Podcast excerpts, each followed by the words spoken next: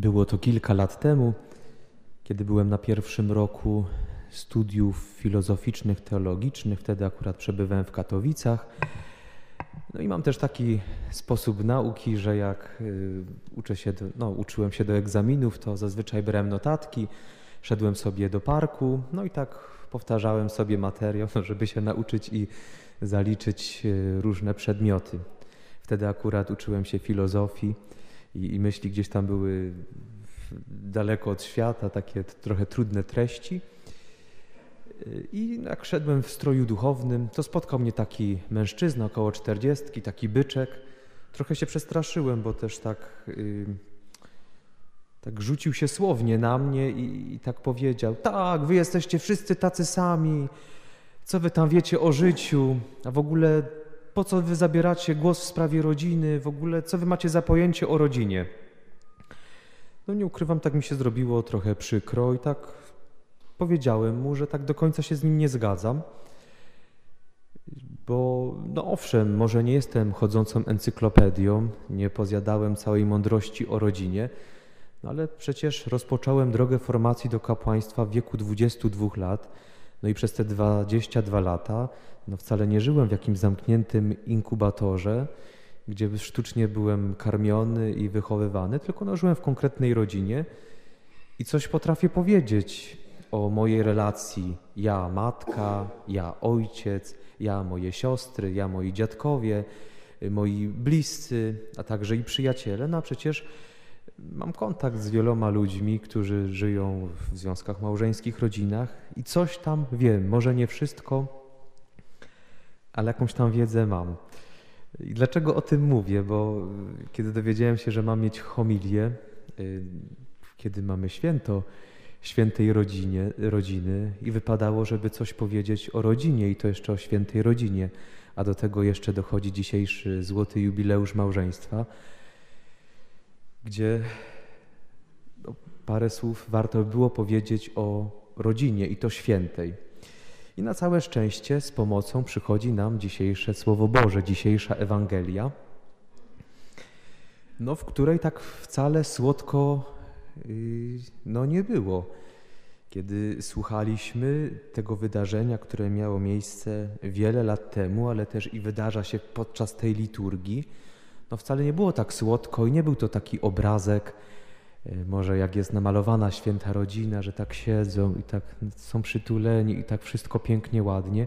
No bo przecież usłyszeliśmy o tym, że zgubił się Pan Jezus, zgubi się dziecko. I jakie wam towarzyszyłyby wtedy emocje? Gubi wam się wasze dziecko, nie wiesz, gdzie ono jest. Co tam się musiało wydarzyć? Co by się działo w tobie?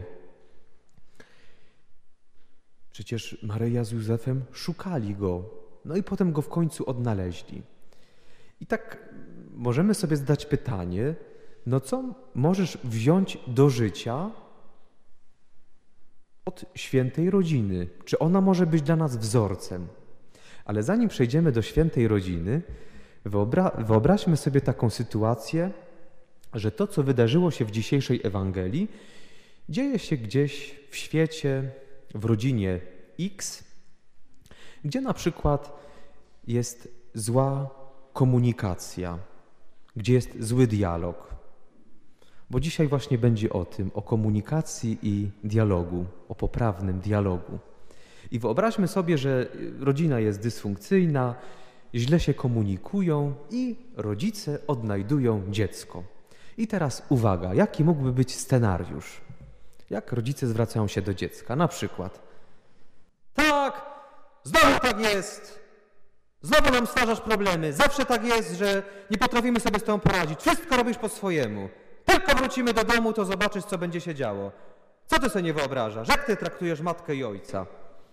I kiedy dziecko słyszy taki komunikat ze strony rodziców, co może odpowiedzieć? Dziecko przecież uczy się od rodziców. Na przykład. Tak, ty znowu robisz o nic problem. Zawsze masz pretensje.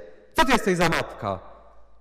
Chciałbym mieć matkę od moich innych rodziców, a ty jesteś taki sam jak ci wszyscy inni. Co to jest w ogóle za rodzina? Może jeszcze macie jakieś tam lepsze scenariusze, mogłyby paść zupełnie jeszcze inne słowa, Ale Ewangelia nie jest wcale podręcznikiem sztuki komunikacji, sztuki dialogu, a jednak pada tutaj wzorcowy dialog, wzorcowa komunikacja. Kiedy Maryja odnajduje z Józefem Pana Jezusa, mówi dwa zdania. Najpierw pada pytanie: Synu, czemu nam to uczyniłeś? Maryja nie zakłada sobie w głowie swojego scenariusza, co mógł mieć Pan Jezus w głowie i mogła sobie tam wysnuć swoją jakąś tam historię, ale nie. Ona rzetelnie podchodzi do sprawy z troską i po prostu pyta: No, dlaczego nam to uczyniłeś? Zadaje otwarte pytanie, by dziecko mogło się wypowiedzieć, co się wydarzyło. Następnie, tu już jest w ogóle szczyt komunikacji, komunikat poprawny, tak zwany w psychologii komunikacji komunikat bezpośredni, gdzie Maryja mówi tak: Oto ojciec twój i ja z bólem serca szukaliśmy ciebie. Proste zdanie, jasny komunikat. Najpierw Maryja mówi o ładunku emocjonalnym, co przeżywała w tamtej sytuacji, z bólem serca. Czyli wtedy mogło jej towarzyszyć, towarzyszyć przerażenie, smutek, lęk, troska, zatroskanie, pewna bojaźń i tak dalej, i tak. Ale również mówi o fakcie, że z Józefem szukali syna. Zgubił się, to po prostu zaczęli szukać. Święty Antoni dopiero jest 12 wieków później, więc nie mogli się do niego pomodlić o, o rzeczy czy tam sprawy zgubione, więc po prostu zaczęli go szukać. Y, I teraz tak, Maryja stosuje poprawną komunikację. Co robi Pan Jezus? Pan Jezus odpowiada również pytaniem: Czemu mnie szukaliście? Czy nie wiedzieliście, że powinienem być w tym, co należy do mego Ojca? No Pan Jezus trochę się dziwi, no dlaczego oni go szukali? Przecież no Maryja dowiedziała się, że ma być matką Boga. No to co? Gdzie ma być jego miejsce? No w świątyni.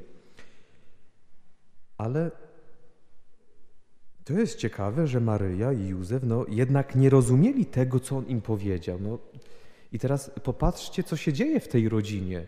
Z jednej tak, jak ta, to życie ludzkie przenika się z tym boskim że Maryja jednak tak do końca nie potrafiła zrozumieć swojego syna, o co mu chodzi. Ale co jest niesamowite w życiu Maryi, że ona mu przede wszystkim towarzyszyła, dawała też otwartą drogę, by on mógł powoli wzrastać. A co jest ciekawe, że potem wrócił do Nazaretu i był im poddany. Czyli to jest takie niesamowite, że Pan Jezus był no jakby wpisany w ten cały cykl wychowania, gdzie był poddany rodzicom, gdzie no na pewno się ich słuchał, uczył się modlitwy, uczył się między innymi takiej poprawnej komunikacji, czy nawet pracy, by potem w wieku 30 lat wyjść do ludzi i im towarzyszyć. Cała Ewangelia, jak Pan Jezus towarzyszy ludziom, wychodzi, pyta, no po prostu mistrz komunikacji, gdzie stosuje poprawny dialog. I myślę, że w święto świętej rodziny możemy się od Maryi, Józefa i Pana Jezusa nauczyć po prostu poprawnej komunikacji, by powiedzieć o swoim ładunku emocjonalnym, co przeżywam. Można wpisać sobie w internet emocje, wachlarz od A do Z, pozytywnych i negatywnych, wyrazić, co czuję, ale także i powiedzieć jakieś swoje stanowisko, czy nawet kwestię rozwiązania problemu.